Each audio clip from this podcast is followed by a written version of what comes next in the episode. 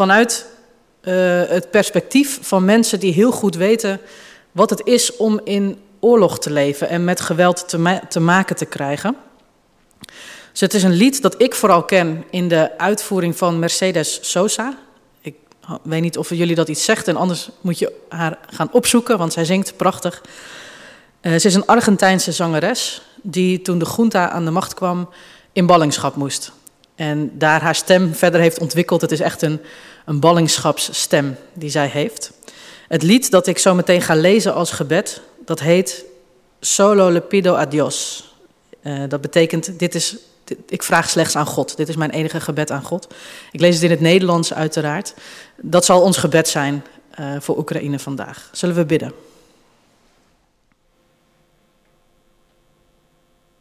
Ik vraag slechts aan God dat pijn mij niet onverschillig zal laten. Dat de droge dood mij niet zal vinden, leeg en alleen, terwijl ik niet genoeg heb gedaan.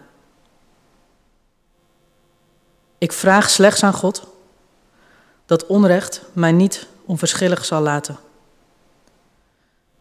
Dat ze mij niet op de andere wang zullen slaan nadat een klauw al het geluk van mij heeft weggerukt. Ik vraag slechts aan God dat de oorlog mij niet onverschillig zal laten. Want het is een groot monster dat de onschuld van de mensen vertrapt onder zijn voeten. Ik vraag slechts aan God dat bedrog mij niet onverschillig zal laten. Als één verrader meer macht heeft dan enkelingen, dat die enkelingen dat niet zomaar vergeten. Ik vraag slechts aan God dat de toekomst mij niet onverschillig laat. Ongelukkig is wie weg moet om in een andere cultuur te gaan leven. Ik vraag slechts aan God dat de oorlog mij niet onverschillig zal laten. Geef vrede, Heer, geef vrede. Amen.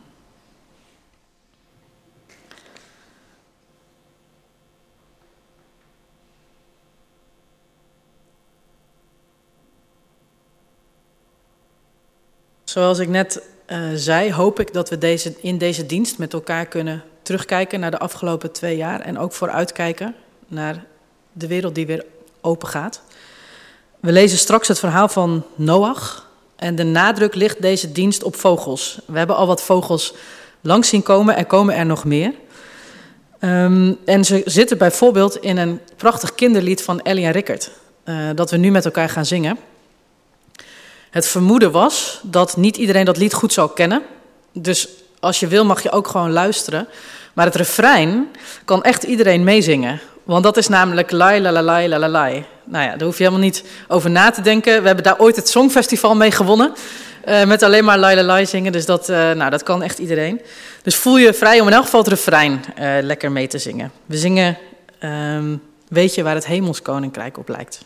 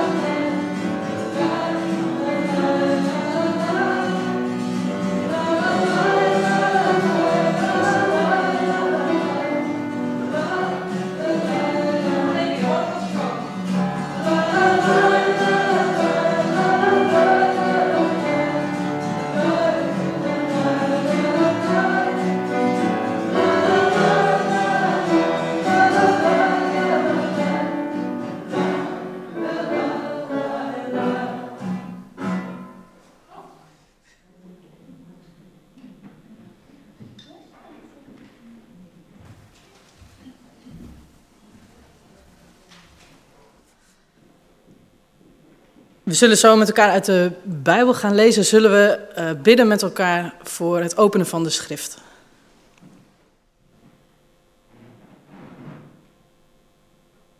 Trouwe en eeuwige en liefdevolle God.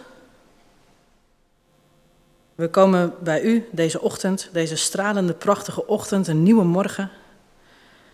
Omdat we u zoeken, omdat we graag met u willen wandelen manieren zoeken waarop we ons leven zo kunnen inrichten, zelf en, en als gemeente, dat al iets van dat koninkrijk waar we net over zongen, werkelijkheid wordt.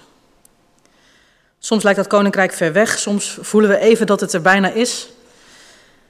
En vanochtend willen we u vragen, als we zo meteen uit uw woord gaan lezen, wilt u op de een of andere manier die woorden tot ons laten spreken? Wilt u uw Heilige Geest geven, zodat betekenissen die we misschien niet vermoed hadden, toch op de een of andere manier kunnen aanhaken in onze ziel? Zodat we bemoedigd worden, getroost, aangesproken, zodat we in elk geval weten dat u uw gelaat naar ons gewend hebt, dat u naar ons wilt kijken, dat u het u ook aantrekt wat er gebeurt in deze wereld. Zo leggen we deze dienst in uw handen. En we doen dat omdat we geloven in uw Zoon, onze Heer Jezus Christus. Amen.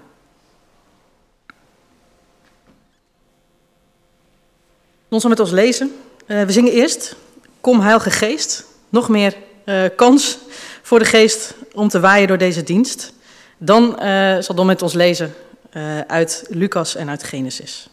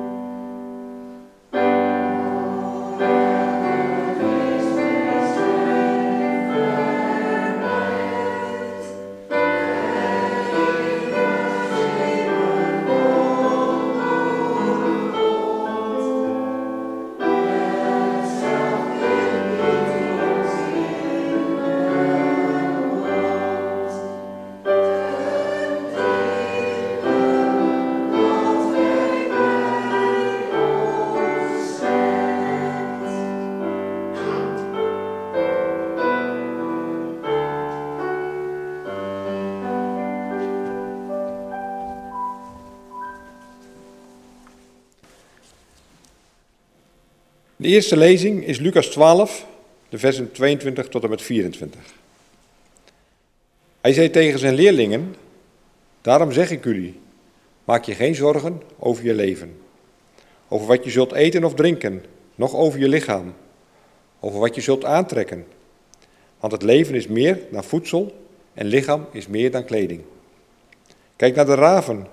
Ze zaaien niet en oogsten niet. Ze hebben geen voorraadkamer en geen schuur. Het is God die ze voedt. Hoeveel meer zijn jullie niet waard dan de vogels? Van Genesis 8, de versen 1 tot 13. Maar God dacht aan Noach en al, aan alle wilde dieren en het vee bij hem in de ark. Op zijn bevel begon er een wind over de aaien te waaien, waardoor het water afnam. De bronnen van de oervloed en de sluizen van de hemel werden gesloten, zodat het ophield met regenen. Geleidelijk vloeide het water weg van de aarde. Na 150 dagen begon het te zakken. Op de zeventiende dag van de zevende maand liep de ark vast op het Araratgebergte. En het water zakte voortdurend verder. En op de eerste dag van de tiende maand werden de toppen van de bergen zichtbaar. Na verloop van veertig dagen deed Noach het venster dat hij in de ark had aangebracht open en liet een raaf los. Deze bleef heen en weer vliegen, totdat de aarde droog was. Vervolgens liet hij een duif los, om te zien of het water op het land verder gedaald was. Maar de duif kon nergens een plekje vinden waar ze kon neerstrijken om te rusten en kwam bij hem terug in de ark, want overal op aarde was nog water. Hij stak zijn hand uit, pakte haar en nam haar weer bij zich in de ark. Hij wachtte nog zeven dagen en liet de duif toen opnieuw los. Tegen de avond kwam ze bij hem terug, met een jong olijfblad in haar snavel. Toen wist Noach dat het water op de aarde verder gedaald was. Weer wachtte hij zeven dagen en daarna liet hij de duif nogmaals los. En ze kwam niet meer bij hem terug. In, de 600, in het zeshonderdste eerste jaar, op de eerste dag van de eerste maand, was het water van de aarde verdwenen. En Noach maakte het dak van de ark open en keek rond.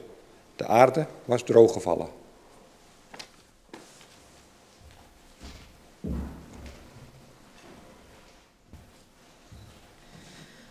Dankjewel.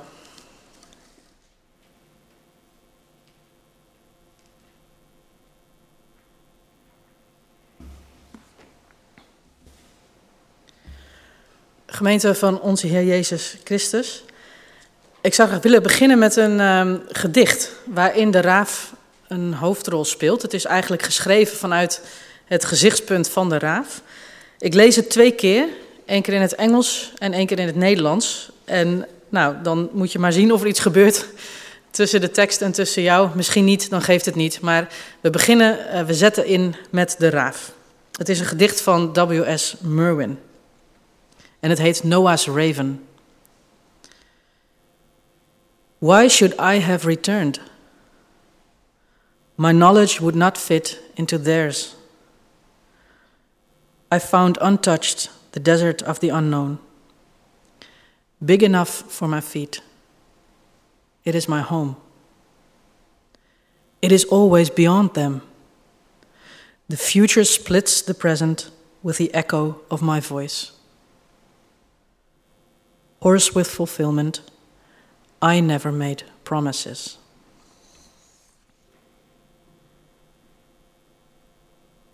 Waarom zou ik terugkeren? Mijn kennis zou niet meer in die van hen passen. Ik trof de woestijn van het onbekende, ongerept, groot genoeg voor mijn voeten. Het is mijn thuis. Zij zullen dat nooit begrijpen. De toekomst splijt het heden met de echo van mijn stem. Hees van voldoening, ik heb nooit iets beloofd. Tot zover voor nu de raaf. Um, van corona kunnen we zeggen dat het ons in, in elk geval één ding heeft opgeleverd. Ons land zag een enorme toename aan vogelaars.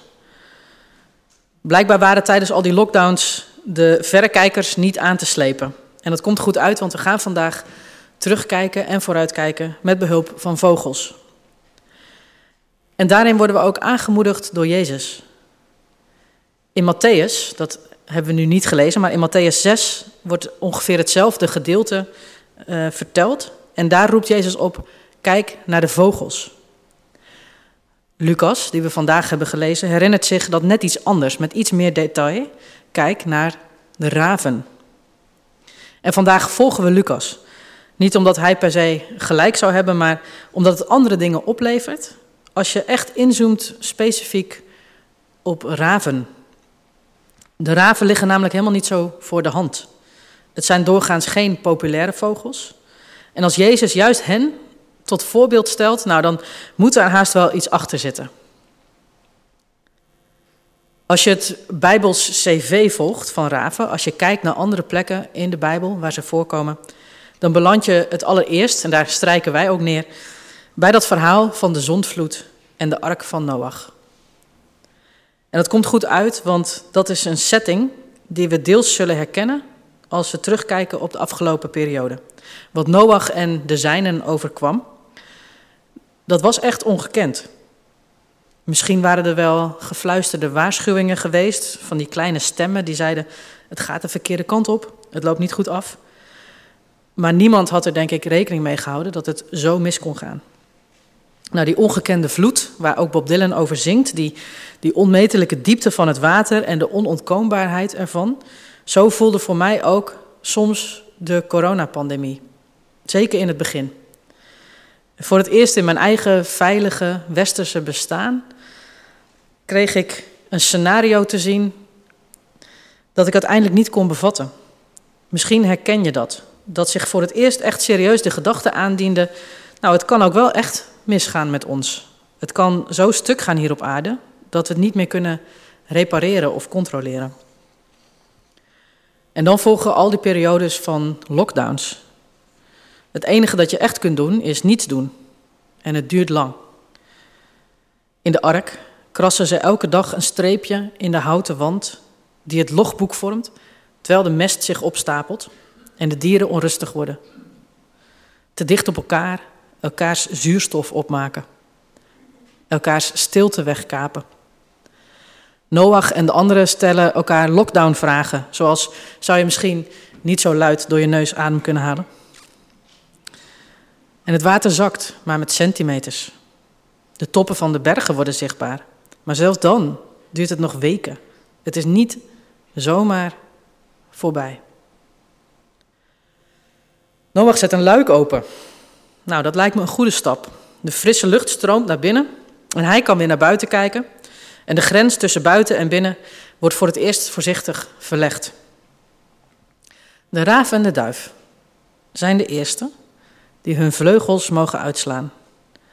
Het verhaal van Noach reikt ons twee vogels aan en daarmee twee beelden van hoe je kunt reageren op zo'n heftige periode van overspoeld worden, in lockdown gaan, lang moeten wachten en ook weer opnieuw beginnen.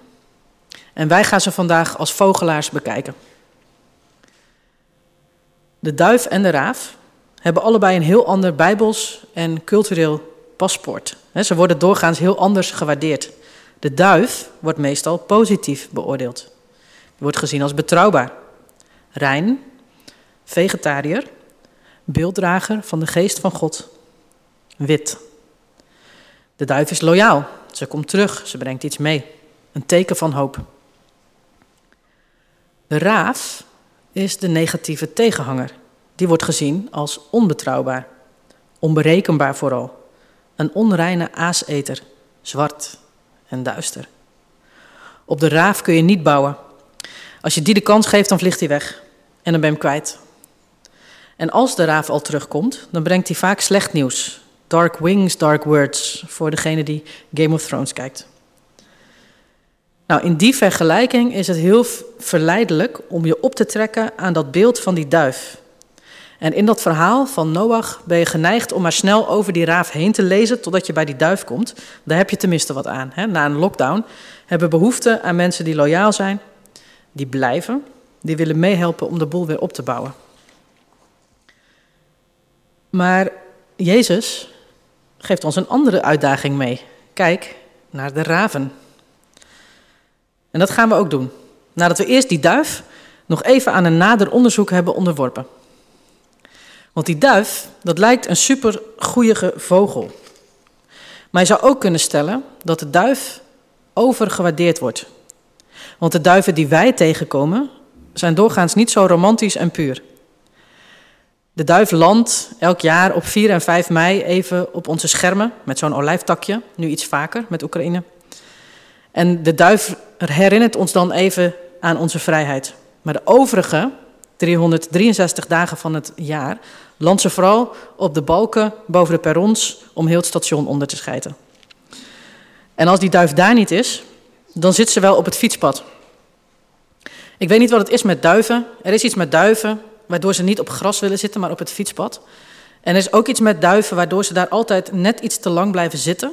Zodat als je aankomt fietsen, dat je altijd net wel even moet remmen. En als je dan net een soort van geremd bent, dan gaat die duif opzij. Ik denk dat het iets is van na de zondeval. Ja. Maar in plaats van betrouwbaar zou je ook kunnen zeggen: ja, de duif is ook wel een beetje saai. Een beetje voorspelbaar, zit in de weg. De duif fluistert: laten we teruggaan naar hoe het was. En als je dan beter kijkt naar de raaf, nou dan ligt ook dat ingewikkelder. De raaf heeft ook andere kanten. Er is wel gesuggereerd dat ook de raaf beelddrager kan zijn van de geest van God. Ga maar naar waarom laat Noach de raaf vrij? De raaf krijgt niet echt een opdracht mee. Hij brengt ook niets terug. Je zou de raaf kunnen zien als een mislukt experiment. Maar je kunt hem ook anders zien. Als een boodschap of een teken of zelfs een gebed van Noach naar God. Met de raaf wil Noach God herinneren aan dat allereerste begin, toen er ook geen leven was, alleen maar water, toen er op aarde nog niet geademd kon worden. En die raaf die daar rondfladdert, die is als het ware een herinnering aan dat moment waarop Gods geest over de oervloed zweefde. Klaar om te beginnen, om te scheppen, om de aarde tot leven te roepen. Weet u nog, lijkt de raaf te zeggen, weet u nog van het allereerste begin? Dus de onrust van de raaf kun je ook zien als een gebed naar God om in te grijpen, om opnieuw te beginnen. En de raaf kan heel zorgzaam zijn. In 1 Koningen 17 staat bijvoorbeeld dat het de raven zijn die de profeet Elia van uh, vlees voorzien en, en brood op het moment dat hij zich moet terugtrekken in een grot. Dat verhaal kennen jullie misschien. Dus in plaats van onberekenbaar zou je ook kunnen zeggen, nou avontuurlijk. Op zoek naar de vrijheid en de ruimte om nieuwe dingen te creëren. Op een nieuwe manier. De raaf fluistert, laten we het anders gaan doen. De raaf en de duif zijn mooie beelden van de twee kanten die er zitten aan onderdeel zijn van een gemeenschap. Zeker een gemeenschap die het flink voor zijn kiezen krijgt. Dat kan je familie zijn, dat kan een vriendengroep zijn, een vereniging. In ons geval hè, de kerk, een kerkelijke gemeente. En de raaf en de duif helpen om de vraag te stellen: hoe sta je daarin? Hoe sta je in de gemeente? Er is die kant van loyaal zijn, betrouwbaar zijn, bouwen aan een gezamenlijk doel. En er is misschien ook die kant die weg wil, die op avontuur wil, die de wijde wereld in wil kijken. En de dichter Merwin, die we dus lazen, laat de raaf daar een hele wezenlijke vraag over stellen. Waarom zou ik terugkeren? Ik heb eindelijk de vrijheid gevonden. Ik kan eindelijk ademhalen. Wat moet ik nog op die drijvende mestvaalt? Waarom zou ik terugkeren? Dat is een vraag die we onszelf misschien wel vaker stellen. En ik kan me voorstellen dat die iets vaker in je hoofd opkomt tijdens een lockdown. Als we uh, ons beperken tot kijken naar een scherm. Die lockdown die gaat ons niet in de koude kleren zitten. Zowel wij zelf als de kerk zijn veranderd. En dan dient de vraag zich aan, past dat nog? En vinden we elkaar nog? En, en als dat niet zomaar meer gaat, wat dan? Mensen zijn in het verleden en ook in het heden soms, als we eerlijk zijn, vaak tot de conclusie gekomen dat het niet meer past. Er waren wel erg veel hokjes op de ark. Er was wel erg weinig zuurstof. En we zaten wel erg dicht op elkaar. Dan kan de raaf de overhand krijgen. Mensen vertrokken op weg naar de woestijn van het onbekende. Ik zou jullie iets willen zeggen over hoe dat bij mij werkt. De raaf en de duif tijdens mijn lockdown-ervaring. Als ik heel eerlijk ben, dan zijn er wel momenten dat ik denk, ja, nu gaat de raaf het winnen. Momenten dat ik denk, het past niet meer. Deze plek is te klein voor mijn voeten. En dat heeft niet zozeer met mijn thuisgemeente te maken, maar wel met hoe ik soms de kerk ervaar. Als een instituut. als een log en sloom schip dat steeds weer vastloopt op de bergen terwijl ik door wil. Maar altijd als ik dan de raaf laat winnen, als ik neerstrijk in de woestijn en mijn haar losgooi en mijn schoenen uit om het zand tussen mijn tenen te voelen, dan struikel ik weer over zo'n verrekt olijftakje. Dan tref ik iets moois, iets ontroerends. Dat kan een tekst zijn of een lied of iets dat iemand zegt, maar ik tref altijd weer iets aan dat ruimte geeft om te ademen en dat licht geeft of leven. En vaak is mijn eerste gedachte dan, dat moeten de mensen uit mijn gemeente horen. En dan denk ik, nou, ik zal dit takje nog maar terugbrengen en dan zien we wel weer verder. En zo gaat het dan eigenlijk altijd weer. Een raaf in mijn dromen, maar een goede geduif tegen wil en dank in het echte leven. Dat is de genade die mij gegeven wordt. Wat ik geleerd heb tijdens die lockdowns is het volgende. Je moet niet bang zijn voor de raaf. Jezus heeft de raven hoog zitten. Hij haalt ze naar voren en hij zegt: Kijk naar ze, leer van ze. Wat kun jij van ze leren, van die vrije vogels? God zorgt ook voor hen, juist voor hen. Voor de vertrokkenen, voor wie het niet meer paste. En dat bedoel ik niet als een soort jijbak van: Oh, nou, je denkt misschien dat je God kunt ontvluchten in de woestijn, maar God is lekker overal. Ik bedoel het als een opluchting voor ons. Hier op onze logge ark. God is zoveel groter dan we kunnen denken en Gods geest zweeft op zoveel meer plekken dan we kunnen vermoeden.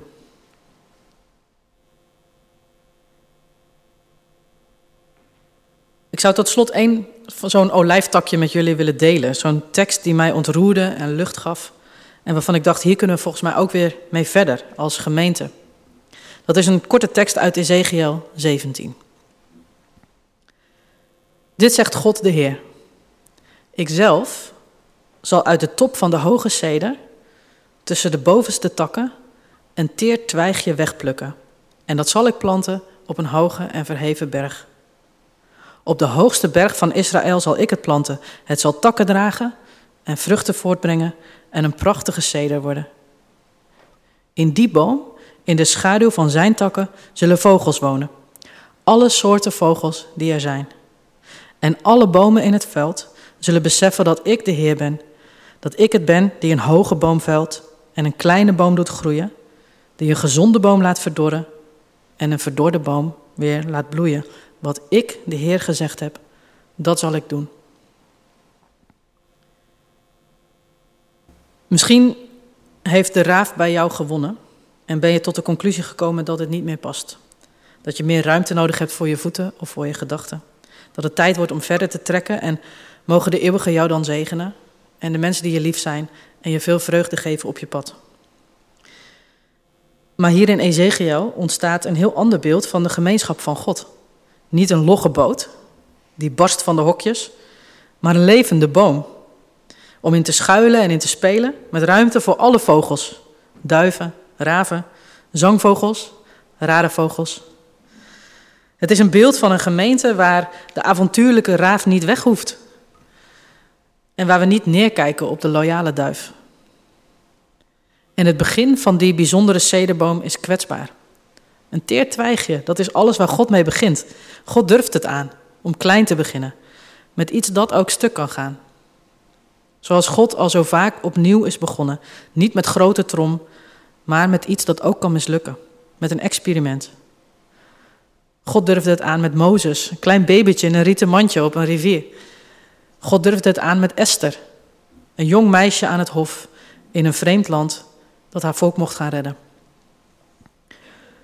Je zou Golgotha zo'n experiment kunnen noemen, waar God zegt: Ik plant iets heel kwetsbaars op een hoge berg. En we houden onze adem in om te zien wat er gaat groeien. Misschien wel een boom waar alle vogels zich in thuis voelen. En in die kwetsbaarheid ligt volgens mij de sleutel voor hoe we terugkijken op wat ons is overkomen de afgelopen twee jaar. En hoe we ook vooruit kunnen kijken naar hoe we als gemeenschap van Christus verder kunnen gaan. We hoeven ons niet stoerder en zekerder voor te doen dan we zijn. En misschien dat het ook iets Nederlands is, dat weet ik niet. Om je mouwen op te stropen en te zeggen, nou vooruit en we gaan weer. Uh, maar er is wel het een en ander gebeurd. En laten we niet snel, te snel denken, nou weet je, we hadden het allemaal moeilijk en uh, we gaan er gewoon weer voor. En uh, het, het verleden is het verleden. Laten we hier de tijd voor nemen. Met oog voor verschil tussen de ervaringen die we hebben gehad. Want de lockdowns en corona was niet voor iedereen hetzelfde. Niet voor ons zoals we hier zitten. Het heeft ons op verschillende manieren geraakt. En er zijn verschillen tussen uh, hoe het ons in Nederland vergaan is en hoe het in andere landen gegaan is. Waarom zou ik terugkeren? Ik hoop dat het is omdat dit een plek is waar we kwetsbaar durven zijn, in ons terugkijken en in ons vooruitkijken. Waar we durven toegeven dat we het soms niet weten. En dat er veranderingen zijn waar we bang voor zijn. En dat er vragen zijn waarvan we niet weten of ze eigenlijk wel gesteld mogen worden. En waar we met elkaar toegeven dat, dat dit een teer experiment is. Maar dat het wel samen aan durven gaan.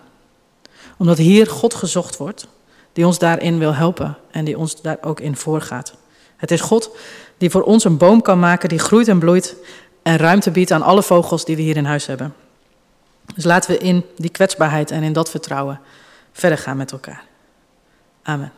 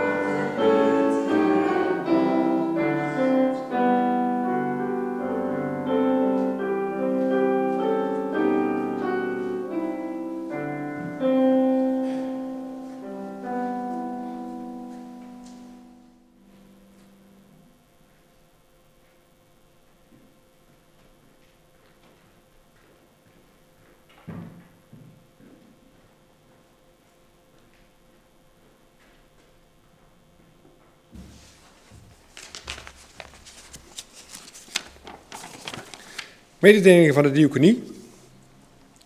staat hiervoor in de kerk een uh, mooi bos bloemen. Die gaat ter bemoediging en als groet van de gemeente naar mevrouw Meijering aan de Kruisboog. Op de balie uh, ligt een kaart waar u uw naam op kan schrijven. Die gaat mee met de bos bloemen. Er ligt nog een kaart naast. Die is voor de, als felicitatie naar de familie Terwal van Oosterom. Die zijn 1 maart 60 jaar getrouwd. En dan zullen deze week dan ook de bloemen naartoe gaan, ook als groet van de gemeente. Dan de collecte. De eerste collecte is voor uh, ons vastproject, het Leger des Heils. Ik moest gelijk denken aan de vreemde vogels. Ik denk het Leger des Heils vangt alle vreemde vogels op, keer op keer, om daar ook voor te zorgen. Dus vandaar dat het ook een uh, vast project is, omdat wij als diaconie vinden dat dat uh, belangrijk is om ook naar die mensen om te zien.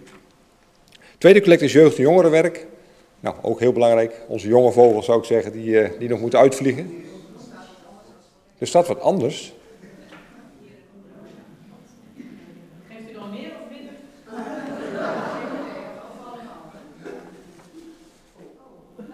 Ja.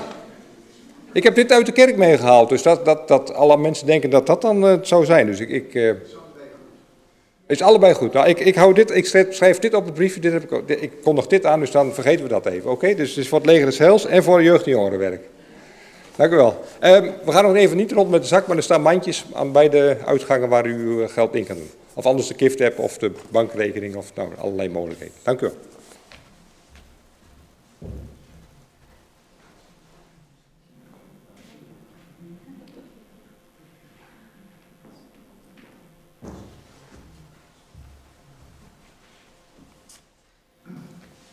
Zullen we met elkaar bidden?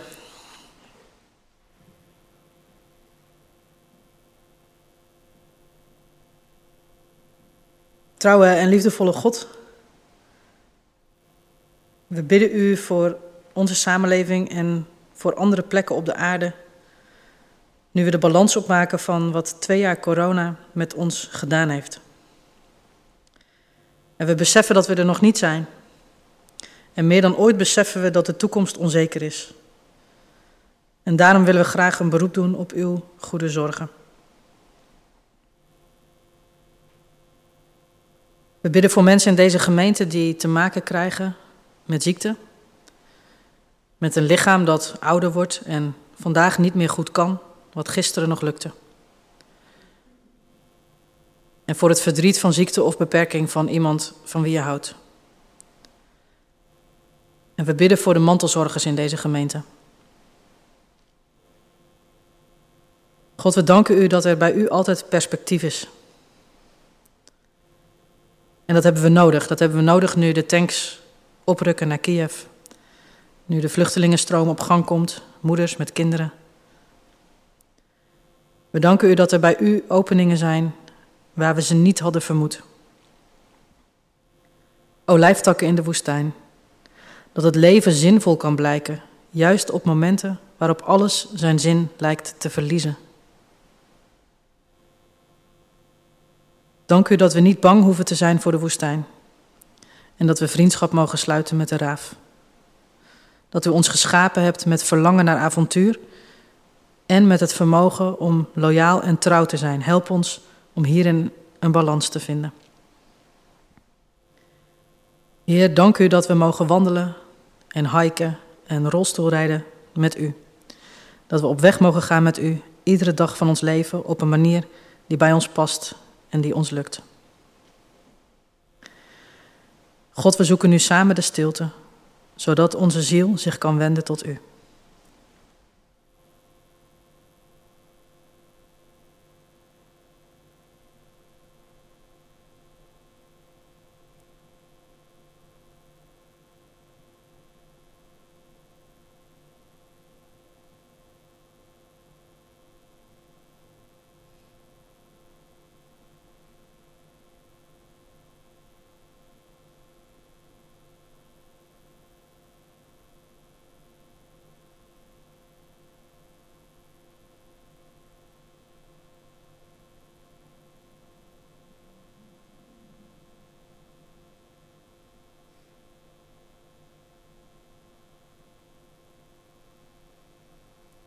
We bidden in de meest recente vertaling in onze taal Het gebed dat in zoveel talen elke dag weer klinkt.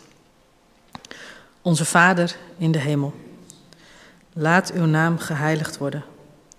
Laat uw koninkrijk komen en uw wil gedaan worden, op aarde zoals in de hemel. Geef ons vandaag het brood dat we nodig hebben. Vergeef ons onze schulden, zoals wij hebben vergeven wie ons iets schuldig was. Breng ons niet in beproeving, maar red ons uit de greep van het kwaad.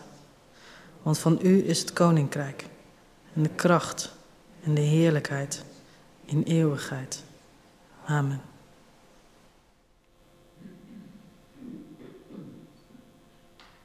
Ik zou een moment willen nemen om ook echt met elkaar terug te kijken en vooruit te kijken. Ik deel zo meteen een aantal uh, briefjes uit in verschillende kleuren. En ik zou willen vragen of je op de ene kant zou willen schrijven wat je achter wilt laten. Wat je achter wilt laten in de periode van corona. Iets waarvan je denkt, dit heeft echt mij, het heeft de samenleving geen goed gedaan. Dit is het beste als dit achterblijft uh, in, in de COVID-periode. En of je op de andere kant iets zou willen schrijven waarvan je denkt, dat is een olijftak die ik heb gevonden. Dit is iets dat ik mee wil nemen. Het is iets dat ik juist heb geleerd in de afgelopen twee jaar. Een inzicht dat ik kreeg, een manier van leven die beter is. Nou, iets moois dat je hebt ontdekt de afgelopen twee jaar. En waarvan je denkt, nee, dit neem ik mee. Dit gaat met me mee. Dan verzamel ik dat straks allemaal. Uh, en ik zal er, dat beloof ik, een mooi documentje van maken. En ook weer aan jullie terugsturen. Voor, uh, ik weet niet of dat kan via de mail of in de nieuwsbrief gedeeld worden. Zodat we van elkaar ook kunnen zien. Het is goed om dit achter te laten. Het is goed om dit ook met elkaar mee te nemen in de periode die komt. Ik loop even rond. Uh, ik weet niet of iedereen een pen heeft. Ik loop ook rond met pennen. Uh, dat waren hele goedkope pennen. Ik kan niet garanderen dat ze het doen.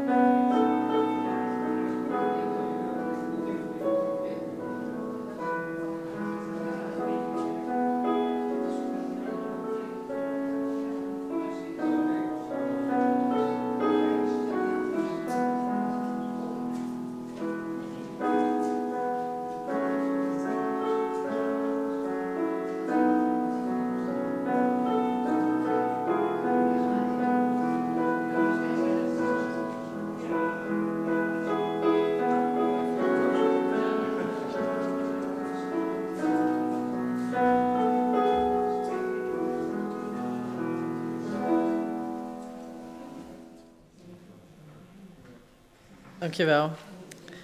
Uh, was dat lastig? Niet zo, nee. Het is ook niet voor een cijfer. Maar uh, bedankt. Ik, zal ik er gewoon een paar even, dat, dat we even weten van elkaar wat we hebben opgeschreven? Gewoon even steekproef. Um, iets om achter te laten is het isolement. Bijvoorbeeld in verzorginghuizen. Dat was echt rampzalig. En iets om mee te nemen is uh, de intimiteit en het omkijken naar elkaar, de zorg. Echt nooit meer dat verpleeghuizen dichtgingen, waardoor bezoekers, uh, bezoeken heel uh, niet mogelijk was en mensen in eenzaamheid gestorven zijn. Ja, ik denk dat dat een van de, ja, de, echt de, de dingen is geweest uh, van de lockdowns. En blijvend aandacht voor mensen en dieren. Alle leven oprechte aandacht. Dat is het mooiste geschenk dat je aan iemand kunt geven. Volgens de dakloze krant, ik zie jou. Ja. Uh, oh, het lijkt een hele grote stapel, maar dat zijn ook niet beschreven blaadjes. iets om achter te laten zijn de spanningen. En iets om mee te nemen is het omkijken naar elkaar. Iets om achter te laten is het nepnieuws. En iets om mee te nemen is luisteren naar goede dingen. Het is echt heel erg mooi uh, wat iedereen heeft opgeschreven. Uh, de zorg voor elkaar. Ik zie ook wel dingen terugkomen. Ik ga het allemaal in een heel mooi document zetten.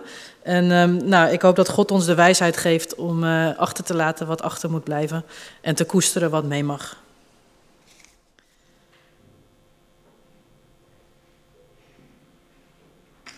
Um, we komen aan het eind van de dienst. We zingen zo meteen met elkaar een zegenlied. Zegen ons Heer. Dat is opwekking 189.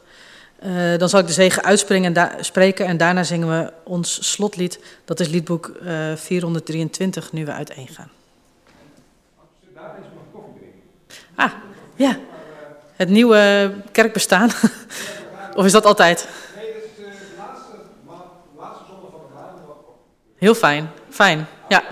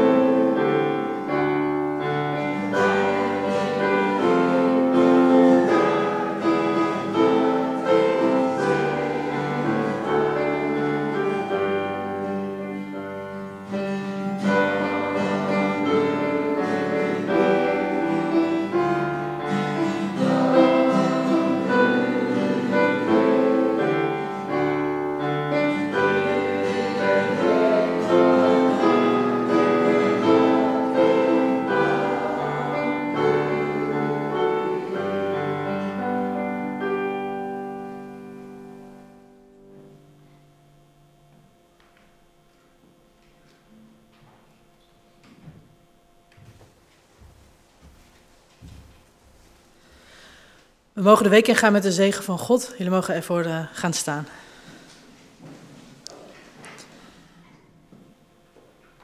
We vragen om Gods zegen met de woorden van Romeinen 15, vers 13. Mogen God, die ons hoop geeft, u in het geloof geheel en al vervullen met vreugde en vrede, zodat uw hoop overvloedig zal zijn door de kracht van de Heilige Geest. Amen.